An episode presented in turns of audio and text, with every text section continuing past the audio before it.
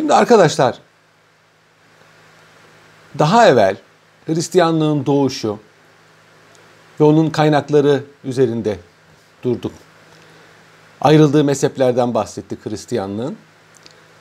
Şu anda Orta Çağ'da Hristiyanlığın ve kilise hukukunun gelişimi üzerinde durmak istiyorum. Şimdi arkadaşlar Antik çağda Hristiyanlar uzun zaman baskı altında yaşadılar. Gizli kapaklı yaşadılar. 4. asırda Roma İmparatoru Konstantinus Hristiyanlığı serbest bıraktı ve ölmeden az evvel de vaftiz olduğu rivayet edilir. Konstantinos zamanında adeta bir devlet dini haline gelmiş Hristiyanlık tam manasıyla olmasa bile. Hristiyanlığın doğuşunda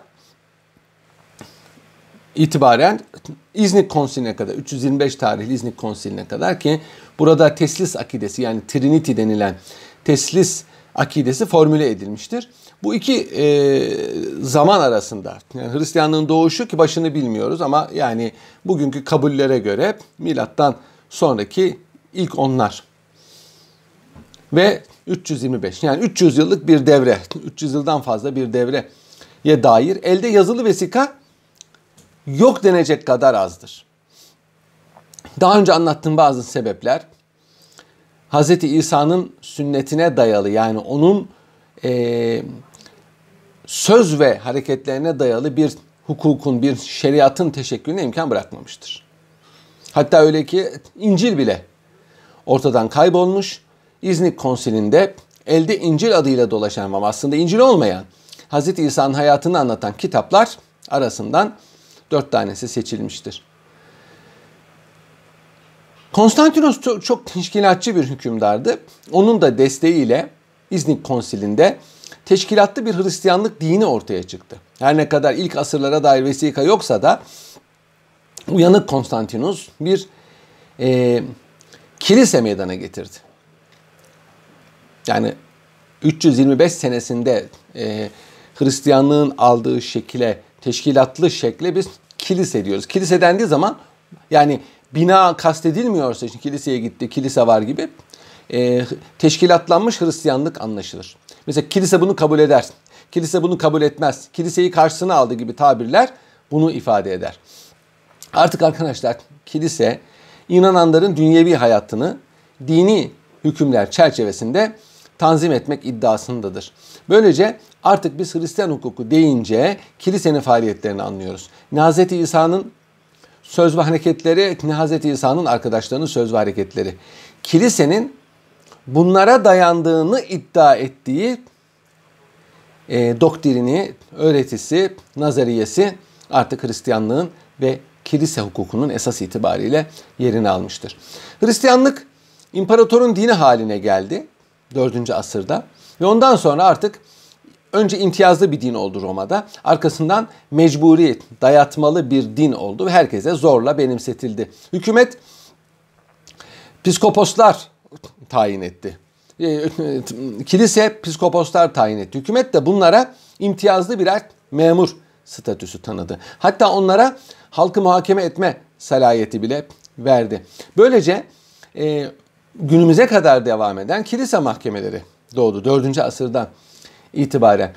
İmparator dinin başında onun hamisi, onun yüksek reisi, koruyucusu e, sıfatı takındı. Hatta e, doktrine dair tartışmalara, konsillere bile iştirak etti, müdahale etti. Ve nihayet kilisenin resmi dogması yani Hristiyanlık inancı kilise tarafından tespit edilince ve ilan edilince buna uymayan bütün davranışlar heretik, sapkın kabul edildi. Yani Hristiyanlığın içinde.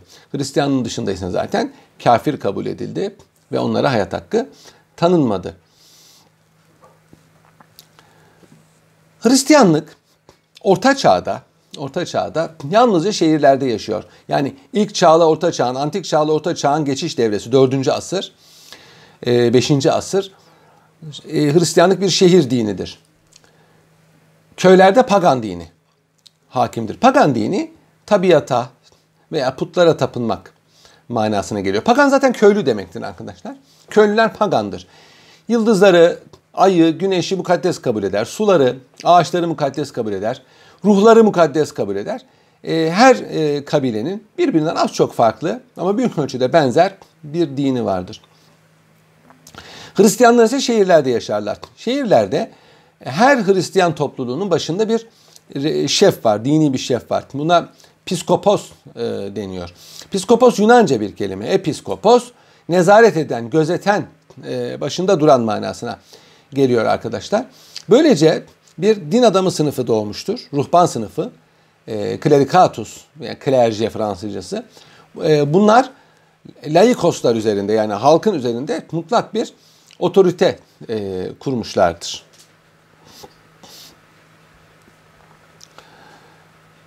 İşte arkadaşlar e, psikopos bütün hepsinin başındadır. Ne yapar psikopos? Papazları tayin eder. Din adamlarını tayin eder. E, kilisenin mallarını idare eder. Halka vaaz verir. Ayinleri idare eder. Ritüelleri idare eder. Takdis yapar. Yani doğum, evlenme, ölüm takdisi yapar. E, heretiklerin, zındıkların dinden atılmasına yani aforoz, aforozo, aforozo sınır dışı demek e, Yunanca ona karar verir. Çok e, geniş salayeti var. Neredeyse devlet içinde devlet, krallık içinde kral, bir prens gibidir psikoposlar. Bunların her biri bir eyalette bulunur. Her eyaletin merkezi olan şehirde bir psikopos vardır. Bunların bir de meclisi vardır. Din adamlarından müteşekkil bir meclisi vardır. Buna sinot deniyor arkadaşlar. Sinot bir nevi eyalet meclisidir sinotlar. Her eyaletin psikoposu da ayrıca bir sinot toplar. O ülkede bir meclis toplar ve dini işlere karar verir. Hangi şehirde toplanıyorsa o şehrin psikoposu e, metropolit olur. Metropolit şehir merkezi demek. Metir ana şehir şey merkez manasına. Polis de şehir, metropolis oradan geliyor. Şehir merkezi demek. Metropolit şehrin e, şehrin orta, orta şehir, ana şehir manasına burada toplanır. Metropolit e, papazlar arasındaki itilafları çözer. Kilise disiplinini e, tanzim eder. Bazen o memleketin, imparatorluğun, Roma İmparatorluğu'nun bütün psikoposları toplanırlar. Buna ekümenik konsül denir. Yani umumi konsül denir ve doktrin hakkında kararlar alırlar. Bir de domestik lokal konsiller, mahalli konsiller vardır. Yani belli bir beldedeki psikoposlar toplanırlar. Onlar e, farklıdır. Şimdi arkadaşlar 4. asırda Hristiyanlı bir şehir dini olduğunu, e, köylülerin pagan dininde olduğunu, zaten pagan zaten köylü demek, köylü dininde olduğunu söyledik. Bu asrın sonlarında, 300'lerin sonlarında e, Hristiyanlar arasında Hz. İsa gibi yaşamak e, merakı moda oldu. E, dünya kötüdür. İnsan tabiatı da kötülüğe meyillidir. Böyle bir kabul var. Dünyadan ve nefsin arzularından ele tek çekmek ideal olanıdır. Mal biriktirmemek lazımdır. İbadet edip oruç tutmak lazımdır. Bunu yapan bir e, kitle var. Münzevi keşişler bunlar. İnsanların arasına karışmıyorlar çok fazla. E, dünyevi işlerden uzak duruyorlar. Bu dediklerimi yapıyorlar. Bunlar e, tabii halk arasında bazı fevkalade haller gösteriyorlar. Şimdi arkadaşlar e, malumunuz her şey adetlerle cereyan eder. Yani yağmur bulutla yağar. Çocuk sahibi olmak için iki insan evlenmesi icap eder. Karnımızın doyması için yemek yememiz icap eder. Bir yere gitmek istiyorsak yürümemiz icap eder. Ee, bir insan uçarak bir yere gidemez. Yemek yemeden doyamaz. Evlenmeden çocuk sahibi Bulut olmadan yağmur yağmaz veya bir insan yağmur yağdıramaz. Bir hayvanla konuşamaz mesela. Ancak bazı insanlar bazı insanlar tabiat kanunlarının dışına çıkarak bazı şeyler yapabilirler. Harikul ade diyoruz. Harikul ade adeti yırtan. Bu bütün dinlerde olan bir husus. Peygamberler tarafından meydana gelirse buna mucize deniyor. Din azizleri yani evliya dediğimiz bizim din azizleri tarafından meydana gelirse keramet deniyor. Sıradan iyi insanlar tarafından meydana getirilirse feraset deniyor. Feraset yani ön sezi. Kötü insanlar tarafından meydana getiriliyorsa istidraç deniyor. Dinle diyanete alakası olmayanlar tarafından meydana getiriliyorsa sihir deniyor. Aynı şey, aynı şey insanların e, gerçekleştiren insanlara göre farklı manalar taşır. Allah zaman zaman adeti dışına çıkarak bazı insanlara adet dışı şeyler yapma kabiliyeti verir. Bu kabiliyet e, aslında kazanılır. Mesela devamlı aç durmak, nefsin arzularını yerine getirmemek insanda bu gibi halleri e, arttırır. Buna meditasyon deniyor. İşte Hint fakirlerinin meditasyon yapıp ondan sonra ateşin üzerinde yürümesi, efendim çivilere e, basması e, hadisesi hep böyledir. İşte bu keşişler de yemeyip içmeyip oruç tuttukları için bir müddet sonra arkadaşlar bir takım harikulade haller meydana getirdiler. İşte hastaları iyi etmeye falan başladılar. Yağmur yağdırdılar. Vahşi hayvanlardan insanları korudular. Ve böylece halkın e, gönlünü cezbettiler. Bunlar halka yardım ediyorlar. Bir yandan halktan yardım topluyorlar. Yani çalışmadıkları için çoğu geziyorlar. Ufak tefek işler yapıyorlar. Onlardan geçiniyorlar. Halk bunlara çok itibar etmeye başladı. Şimdi halkın gözünün önünde bir İsa gibi yaşayan münzevi keşişler var. Bir tarafta da lüks içinde krallar gibi yaşayan piskoposlar var. Halk bu keşişlere itibar etmeye başladı. Onları tutmaya başladı. Bu vesileyle arkadaşlar 5. asrın sonlarında artık Hristiyanlığın yayılmadığı neredeyse Güney Avrupa'da yer kalmadı. O barbarlar yani Cermen kavimleri zamanla Hristiyanlığı benimsedi. İlk e, e, şeyler e, Gotlar, Vandallar, Lombardlar, efendim Langobardlar, Burgundlar bunlar arkadaşlar e, Hristiyan oldular ve o zamanki imparatorlar Arius mezhebindeydi. Arius mezhebinden daha önce bahsetmiştim. Teslisi reddeden bir mezheptir. O mezhepteydi. Daha sonra halk ise halk ise teslisi kabul ediyor. Teslisi kabul ediyor. E, bunlara düşman oldular. Bunları kabul etmemeye başladılar. Bu sefer Almanya'ya daha sonra gelenler, Franklar, Almanlar, Saksonlar, e, Bajuvarlar, e, Frizonlar bunlar henüz daha Hristiyan olmamışlardı. Yani Cermen mahalli dinlerindeydi. Gal psikoposu, Aruşçu krallara düşmandı o Gal psikoposu. Tuttu Frank kralıyla anlaştı. Clovis'le anlaştı. Onu vaftiz etti. Onu Hristiyanlığa aldı. Böylece eskiden bir hükümdar bir dine girdi mi onun tebası da o dine giriyordu.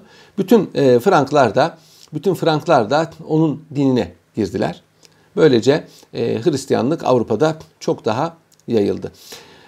Her ne kadar arkadaşlar e, bu e, papalar Roma İmparatoruna yani İstanbul'daki İstanbul'daki imparatora bağlıymış gibi e, görülüyorsa da Avrupa'da aslında müstakil bir otoriteydi. E, Roma hukukundan gelme gelenekle dekretum adında kararları vardır papaların. E, dekretum papal bunu bunu neşrediyorlar ve bu Avrupa'da kabul görüyor. Bir nevi kanun, bir nevi emirnamedir ve zamanla Avrupa'daki bütün kiliseler e, doktrin hususunda, inanç hususunda papayı üst otorite, en yüksek makam kabul etti ve Piskoposların verdiği kararları da en yüksek hakim sıfatıyla Papa'nın bozabileceği kabul edildi. Böylece arkadaşlar bir e, Roma Kilisesi'nin teşkilatı yavaş yavaş tamamlanmaya yüz tuttu. Başta Papa var. Papa Roma'da oturuyor. Aziz Petrus'un vekili, Petrus Hazreti İsa'nın vekili. Yani yeryüzündeki krallığın başıdır bunlar. Her eyalet, e, her şehirde bir e, piskopos var. Piskoposlar o şehre bağlı kasabalara, köylere de ki senyörlerin, derebeylerin malikanelerine ayinleri, ibadetleri, ibadetleri yerine getirsin diye papazlar gönderiyor. Papaz baba tabirinden geliyor. Baba yani kavminin e, inananların babası demektir. Böylece siteler papazlarla doldu. Bu sefer onların her birine bir ruhani daire çizildi. E, paruaz, e, pariş deniyor şimdi çizildi. Yani bu papazın şeysi burası. Buradaki insanların doğum, ölüm, evlenmelerine bakıyor e, Piskopos'un dairesine Diokez, Diokeze veya Diakos adı verildi. Her parişte yani her papazın vazife yaptığı dairede bir kilise yapıldı. Oranın imkanları çerçevesinde. Bu bir kiliseler yapılırken de bir koruyucu azize adandı. Hristiyanlıkta bir koruyucu azize adanmadan yapılmış hiçbir kilise yoktur. Mutlaka bir koruyucu azize adanır. Nasıl adanır? Ya orada kabri vardır, ya orada bir emaneti kalmıştır, ya e, o kiliseyi yapanlar o e, koruyucu azizin e, tarikatına mensuptur. Fark etmez. Mutlaka bir, onun için işte St. Peter, sen e, Michel, sen Nikolas gibi başında sen aziz demektir. E, Rumca'daki Aya, Aya Nikola mesela. Patrikhanenin olduğu kilise Aya Nikola Kilisesi, Aziz Nikola Kilisesidir. Kiliselerin de masraflarını karşılayabilmek için bir toprağı var. Bu toprak ekiliyor, biçiliyor veya kiralanıyor. E, mülk dahi, e, derebey veriyor bunu. Mülk e, sahibi veriyor. Burada köylüler ekip biçiyorlar ve bu arazinin e, e, gelirini kiliseye veriyorlar. Bir de yine e, derebeylerin verdiği arazi üzerine kurulmuş manastırlar var. Bu manastırları İslam kültüründeki tekkelere benzetebilirsiniz. Burada da e, keşişler çalışırlar, ekerler, biçerler, sanat el sanatları yapar, satarlar. El emeğiyle geçinirler. E, icabında e, bir takım sosyal hizmetler yerine getirirler. İşte hasta bakıcılık gibi, hastane gibi bunlar. Mektep gibi, kütüphane gibi bu manastırlar e, Orta Çağ'da Hristiyanın hem yayılıp e, kuvvetli hale gelmesine vesile olmuştur. Hem de pek çok e, ilmi aydınlanmalar bu manastırda, manastırlarda e, e, parlamıştır. Yani bu Gül'ün adı romanı ile Umberto Eco'nun meşhur olmuş manastırlar var, Orta Çağ manastırları. Tabi bu biraz e, egzajere ediyor olmakla beraber bu devir manastırları ve kiliseleri Avrupa'nın en e, irfan kaynağı olan yerlerdir. Orta Çağ biliyorsunuz Roma İmparatorluğu önce 395'te ikiye ayrıldı. Doğu Roma ve Batı Roma diye. Ondan sonra 476 senesinde de Batı Roma İmparatorluğu Got barbar istilası sebebiyle ortadan kalktı arkadaşlar. Adriyatik sahilleri ile Güney İtalya Roma İmparatorluğu'na bağlı. Diğer kısımlar e, barbar hakimiyetine. Bir de İrlanda. İrlanda bile hala bir müddet Roma İmparatorluğu'na tabidir. İmparator, Roma'daki imparator ikonalara hürmeti reddediyordu. Yani Hristiyanlıkta ikona klas mezhebi ortaya çıktı. Roma İmparatoru ikonaların, resimlerin din değeri olmadığına karar verdi. Bunu yasakladı. Bir de ordunun ihtiyacı var diye kilise topraklarına el koydu. Böyle olunca e, Avrupa'da Avrupa'da imparatora karşı bir reaksiyon doğdu ve Papa Papa ne cesaret imparatoru aforoz etti. Bundan dolayı. Ama tabii onun bildiği bir şey vardı. Bir, e, bir bildiği vardı. İmparatorla yollarını ayırdı ve e, kendisine başka bir e, yol çizdi. Başka bir arayışa girdi. E, o zaman Papa Etienne'di. Bu Güney İtalyalı aslı Grek, Yunan asıllı. E, Frankların şefinden yardım istedi. O zaman Franklar seyyar krallık, belli yerde sabit olarak bulunmuyorlar. Onların başındaki Pepin e, Papa'ya destek oldu. Onun da, onun da tabii kendi menfaati var. Böylece Roma'da, Papa Roma'da oturuyor. Roma'nın etrafındaki küçük bir arazi var. Lombardlar orayı e, istila etmişti. Orayı tuttu Pepin şeye verdi. E, Papa'ya verdi. Daha doğrusu Aziz Petrus'a yani Hz. İsa'nın en güzide talebesi olan Aziz Petrus'a iade etti. Böylece Patrimonium Petri kuruldu. Yani papalık devleti kurulmuş oldu. Ve Papa'nın sadece Avrupa'daki Hristiyanlar üzerindeki ruhani iktidarı değil, aynı zamanda Roma ve etrafında cismani bir iktidarı da kurulmuş oldu. O da Papa da e, Pepin'i, Frankların şefi olan Pepin'i Franklar kralı ilan etti. Ona taç giydirip takdis etti. Tıpkı Hz. İsa'nın yaptığı gibi. Pepin çok e, tanınmaz ama onun oğlu çok tanınır. Charlemagne diye biliyoruz biz. Halbuki o zaman daha Fransızca doğmamıştı. Charlemagne Fransızca büyük e, Charles, büyük Charles demektir. E, büyük Karl, Carolus Magnus Latincesi. E, o daha da ileri gitti. Papa Leo'nun da yardımıyla e, bu topraklardaki dağılan birliği toplamaya muvaffak oldu.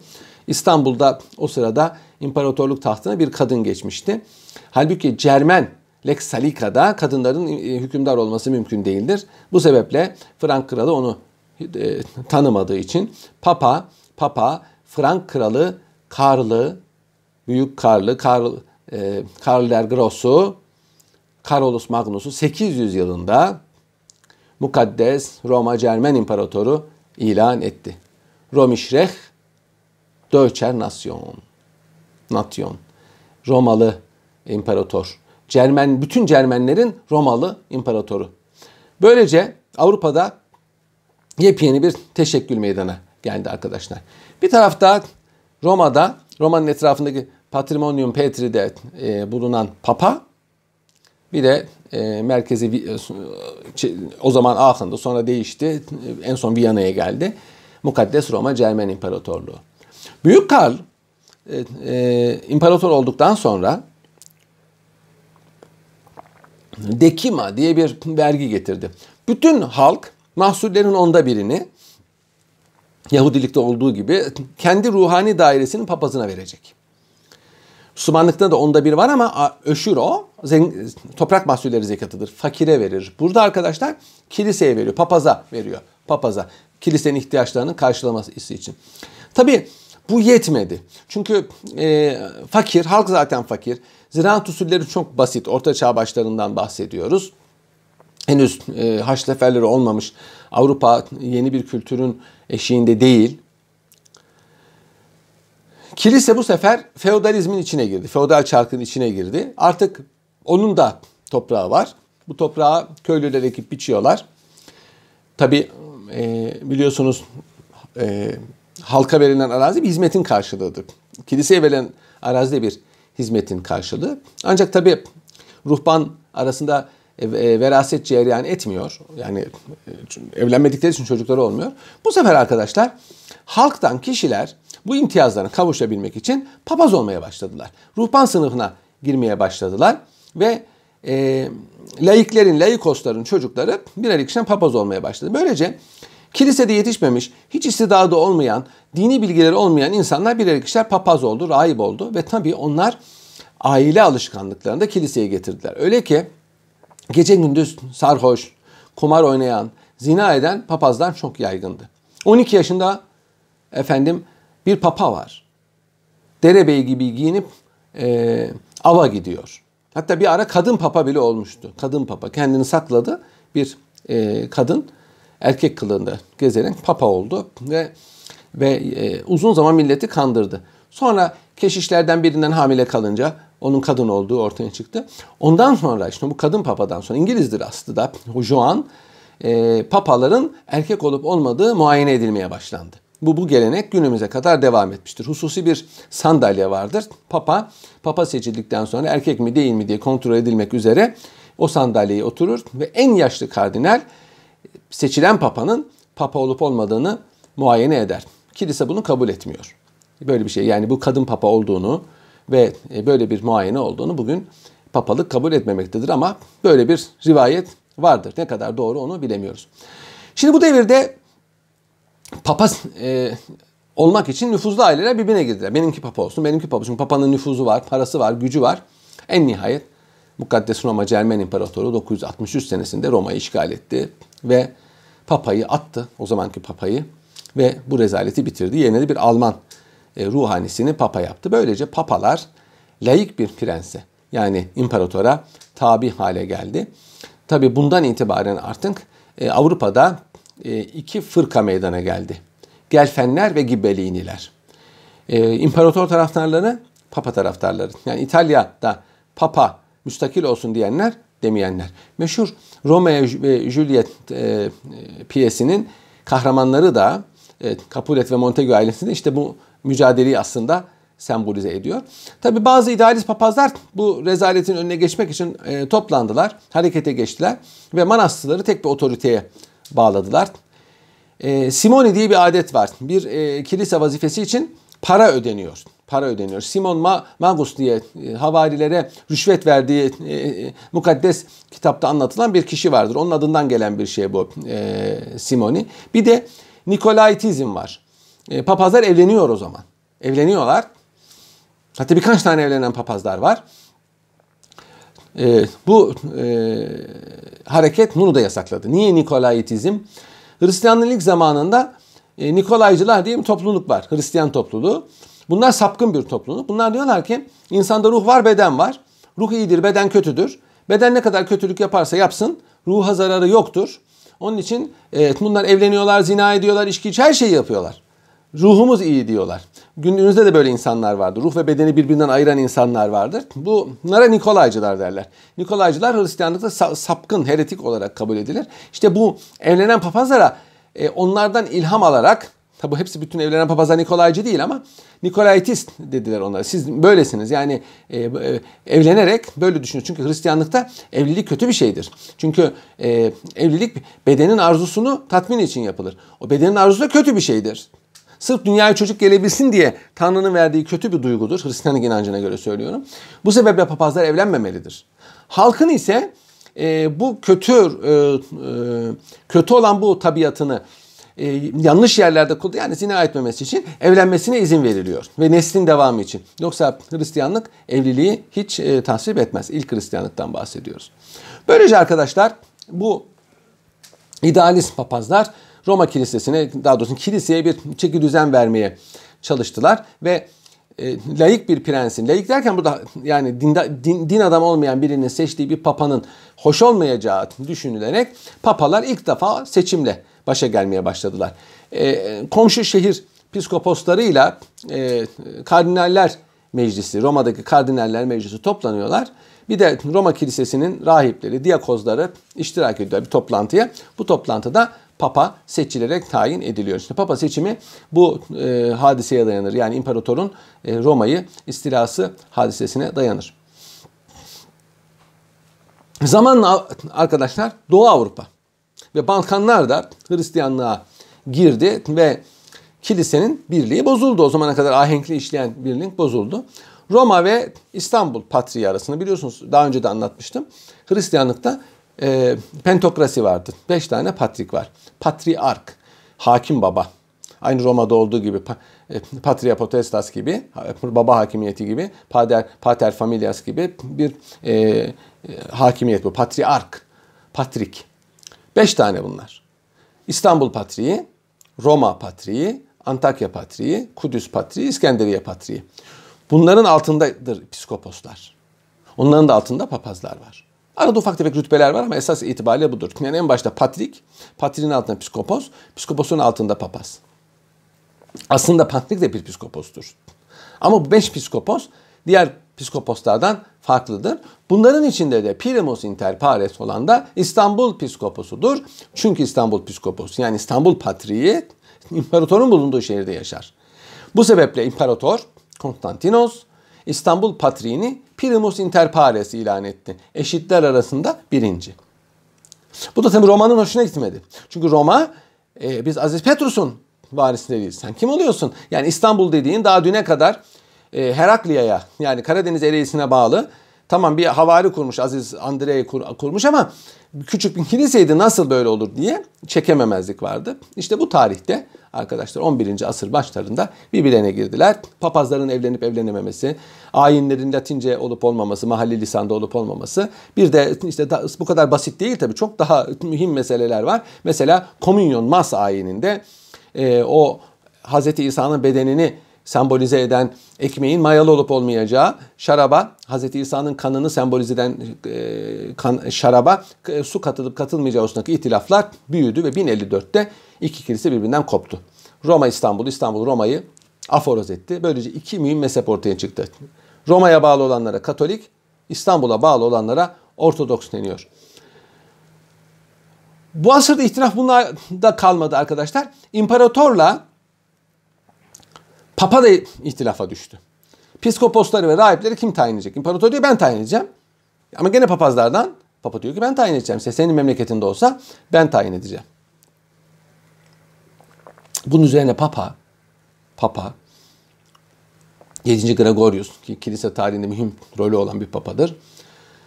Mukaddes Roma Cermen İmparatoru 4. Heinrich'i aforoz etti. O da kızdı geldi. Papayı tahtından indirdi. Yerine hiç kimsenin tanımadığı birini papa seçtirdi. O da imparatora taç giydirdi.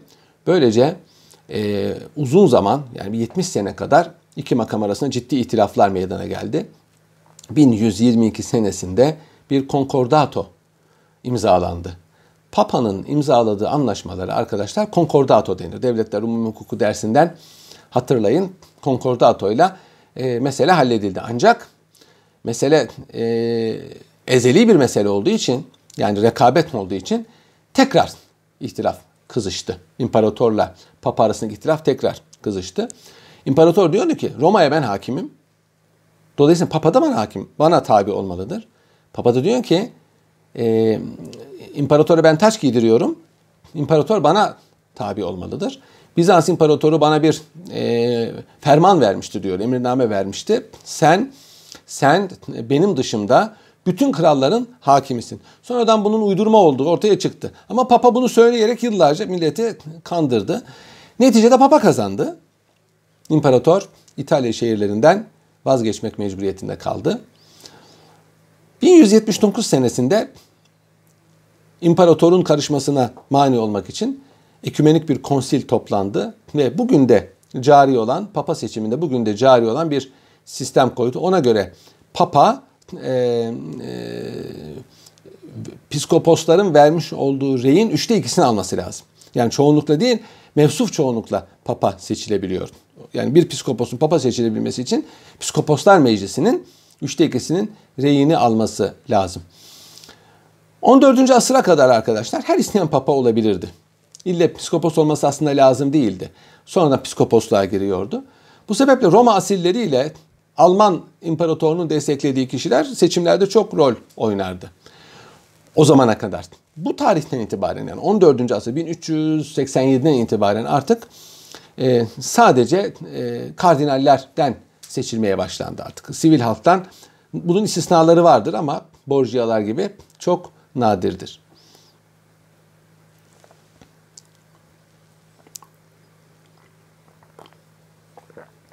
Haçlı seferlerinden sonra arkadaşlar Avrupa'da zenginlik arttı. Zenginliğe paralel olarak refah, refaha paralel olarak nüfus arttı.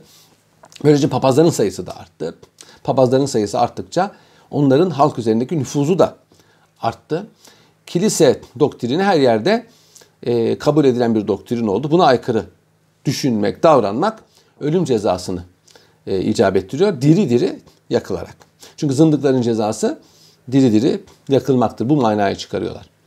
Bunun dışında inancıda sapkınlık olmayan ama günah işleyenler. Bunlar e, bir ceza verilir buna. Kefaret cezası verilir. Papa taraf, papaz tarafından onu yapar. Bu kefaret bir sadaka olabilir. Bu kefaret bir tesbih olabilir. Bu kefaret oruç tutmak olabilir. Bu kefaret e, mabedi temizlemek olabilir. Bu kefaret kendini zin, zincirle dövmek olabilir. Ama eğer suç işleyen bir rahipse onun işi daha zor. Rütbesi alınır ve e, kilisenin hapishanesine kapatılır. Rahipler o kadar güçlüdür ki halktan kişileri dünyevi otoriteye şikayet ederler. Kilise doktrinine uymadığı için ve e, cezalandırılmasını isterler. Şimdi kilise o zaman elinde bir silah tutuyor. Bu silah afaroz silahıdır. Kendisi gibi düşünmeyen, kendisi gibi inanmayan, daha doğrusu kendi sözünü dinlemeyen evet, veya bir rahibe kötülük yapan, ona karşı suç işleyen kişiyi aforoz ediyor. Şimdi aforoz ederse dinden çıkmış oluyor. E, halkın halk dışırıyor, ailesinden ayrılıyor. Öldüğü zaman bir e, cenaze merasimi bile yapılmıyor, evlenemiyor. Onun için afaroz olmak yani sınır dışı olmak çok büyük bir ceza. İnsanlar bundan ciddi manada korkuyorlar. Bu yetmedi 11. asırda e, kilise senyörlere karşı da enterdi silah e, diye bir ceza ihdas etti.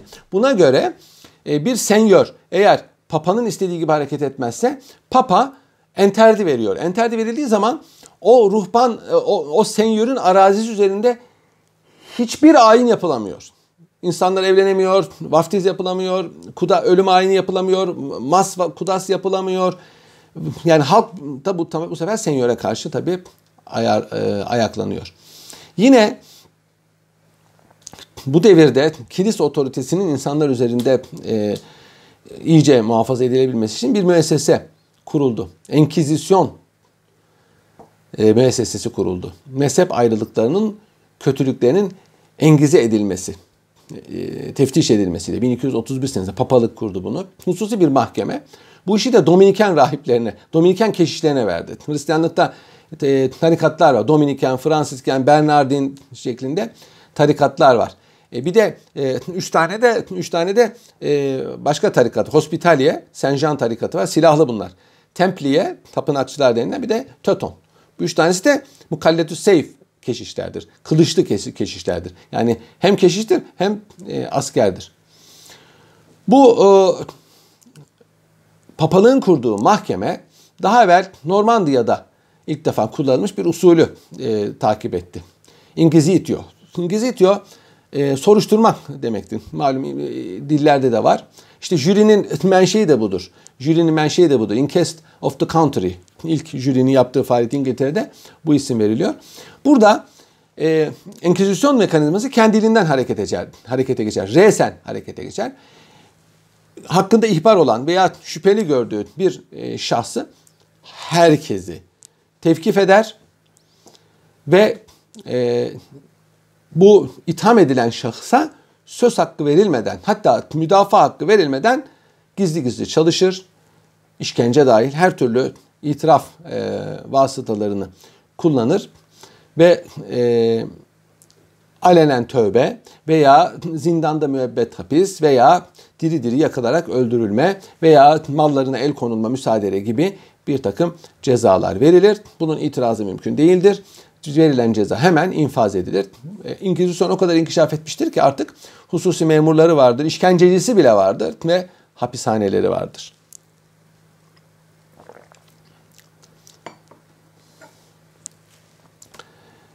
Şimdi arkadaşlar Papa biraz evvel dedim ya yani Konstantinos kendisine bir berat verdi diye bütün kralların üzerinde kendisini görüyordu Papa. Ve kilisenin de şefi, Aziz Petrus'un halefi, Petrus Hazreti İsa'nın vekili. Böylece Papa Hazreti İsa'nın yeryüzündeki vekili. Dolayısıyla Tanrı'nın yeryüzündeki vekili oluyor. Bu sebeple papalar yanılmazlar. Yanılmazlar. Bu da ona ayrı bir üstünlük tanıyor. Öyle olunca bir hükümdarı mahkum edebiliyor, tahtından indirebiliyor veya e, e, tabi e, tebasını siz bu adama artık itaat etmeyin. Sizi ona ettiğiniz sadakat yemininden e, serbest bıraktım. E, hatta ayaklanın şeklinde tahrik bile edebiliyor veya krallara taç giydiriyor. Meşruluk veriyor. Papa'nın taç giydirmediği hiçbir kimse imparator olamaz. Yani Avrupa tarihinde imparator dendiği zaman arkadaşlar Papa'nın taç giydirdiği kimse kastedilir.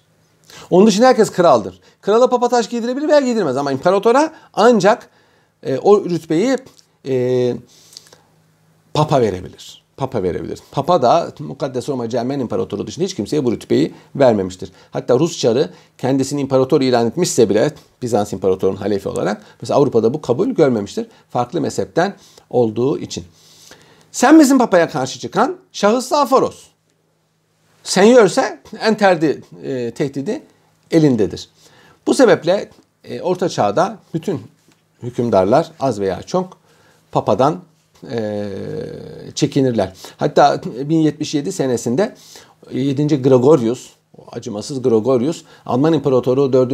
Heinrich'i e, aforoz etmişti ve e, halkını da interde etmişti. Heinrich kış günü çıplak ayakla geldi Canova'ya. O zaman Papa Canova'daydı. Papa'nın sarayının önünde günlerce bekledi. Papa da inadına onu bekletti ve e, bu bütün Avrupa'daki Hristiyan senyörlere bir ders oldu. 4. Heinrich'in, imparatorun bu e, beladan kurtulmak için sergilediği tavır. Bir de gene meşhur bir papa vardır. Papa 3. Innocentus. Innocentus e, 1216'ya kadar yaşadı. 20 sene kadar, 18 sene kadar e, papalığı vardır. O dedi ki ben bütün Hristiyanlığın kralıyım. Bütün kralların da üstündeyim. Ve e, kilise nasıl ki e, Hristiyan inancına göre beden nasıl ruhla birleşmiştir Hazreti İsa'da? İşte hükümdarlıkla e, ruhani reislikte papada öyle birleşmiştir e, diye bir doktrin kurdu. Ve Avrupa'daki kralların çoğunluğu bunu kabul ettirdi. Mesela Sicilya kralına, Aragon kralına kabul ettirdi. Portekiz kralına hatta İngiltere kralına bile bunu kabul ettirmeye muvaffak oldu. Arkasından Laterano konsili toplandı. Laterano konsili Roma'da bunu teyit etti. Evet, böylece iki unsur var. Kilise e, hükümetiyle, gelirleriyle, mahkemeleriyle e, her çeşit otoriteden müstakildir. Müstakil bir topluluktur. So, e, societas perfecta denir buna. Papazlar layık otoriteye karşı hiçbir şekilde hizmetle, vergiyle mükellef değildir. Muaftırlar ve hiçbir zaman senyor mahkemesine veya kral mahkemesine yani layık mahkemeye çıkarılamazlar. Rahipler suç işlediği zaman her ne suç olursa olsun bunlar e, kilise mahkemelerinde görülür. Papa universal kilisenin de daimi ruhani lideridir. Tabi bunu kendisi söylüyor yani İstanbul bunu kabul etmiyor. Onu da antiparantez söyleyelim. Ve kralların üzerinde bir kral gibi hüküm sürmektedir. 11. asırda Papa 7. Gregorius ve e, o düşündü bunu. 12. Innocentus da bunu sistemleştirdi. Bu teori 8. Bonifacius tarafından son haline getirildi ve dünyadaki her insanın Roma'daki papaya tabi olduğu e, beyan edildi. Her e, psikoposluk bölgesinde bir hakim var arkadaşlar. E, officialis bunun adı. Ofisiyal, office, officer yani. Bunun vazife sahası çok belli değil. Ama bunun yanında katipler var, savcılar var, avukatlar var. Bu e, her çeşit davaya bakıyor. Hem ruhban sınıfının davalarına bakıyor. Yani papazların davalarına bakıyor. Hem de arkadaşlar, hem de arkadaşlar e, ahvali şahsiye davalarına bakıyor. Halkın ahvali şahsiye nedir ahvali şahsiye? Şahsın hukuku. Yani ehliyet ve şahsiyet meseleleri, velayet, vesayet. İki aile hukuku. Evlenme, boşanma, nafaka, nesep. Üç, miras hukuku. Bu davalara bakıyor. Bir de halkın din aleyhine işledikleri suçlara bakıyor. Tabi o zaman e, o kadar geniş ki yani işlenen bütün suçlar aslında e, din aleyhine işlenmiş suçlardır. Bu sebeple bu ofisiyalitin e, e, vazife sahası çok geniş olabiliyor icabında. Böylece e, kilise mahkemelerinin yani bu ofisiyalisin başında durduğu mahkemelerin salayeti iki e, şekilde formüle edilebilir. Ratione personae yani şahıs itibariyle bir de ratione rei davanın mahiyetine göre iki çeşit oluyor.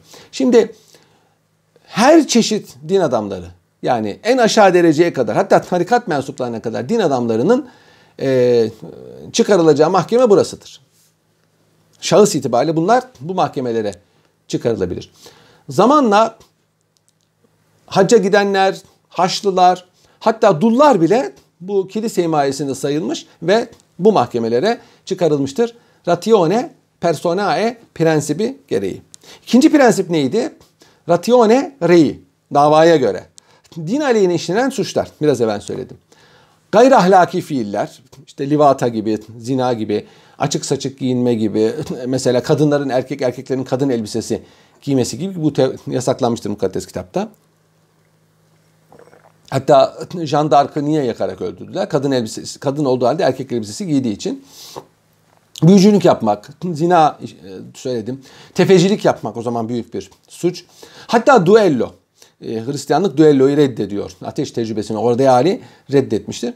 Bunları e, yapanları muhakeme ediyor. Ayrıca evlenme, efendim e, boşanmalara karar veren biliyorsunuz kilise boşanmayı kabul etmiyor ama etmiyor ama belli şartlarla boşanmaya izin verebiliyor. Gayiplik, efendim miras bu gibi hukuk davalarına da efendim kilise mahkemeleri bakıyor. Orta çağ arkadaşlar e, kilisenin altın bir e, çağıdır. Bu çağda bu çağda kilise hem teşkilatını tamamlamış teşkilatını tamamlamış hem de ciddi manada bir nüfuz koymuştur. Bu çağda aynı zamanda arkadaşlar kilise hukukunun da yavaş yavaş teşekkül ettiğini görüyoruz. Bu teşekkül mahkemelerin teşekkülüyle birbirine paralel olarak yürümektedir. Evet arkadaşlar burada bırakalım. E, kilise hukukunun yeni çağ ve yakın çağdaki halinde başka bir derse e, tehir edelim. Sormak istediğiniz bir şey var mı? Roma'yı işgal eden Roma Cermen İmparatoru Hristiyan değildi.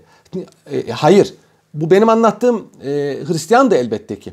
İlk olarak yani daha daha Roma İmparatorluğu varken Roma'yı e, işgal eden e, Alarik e, şey değildi, Hristiyan değildi.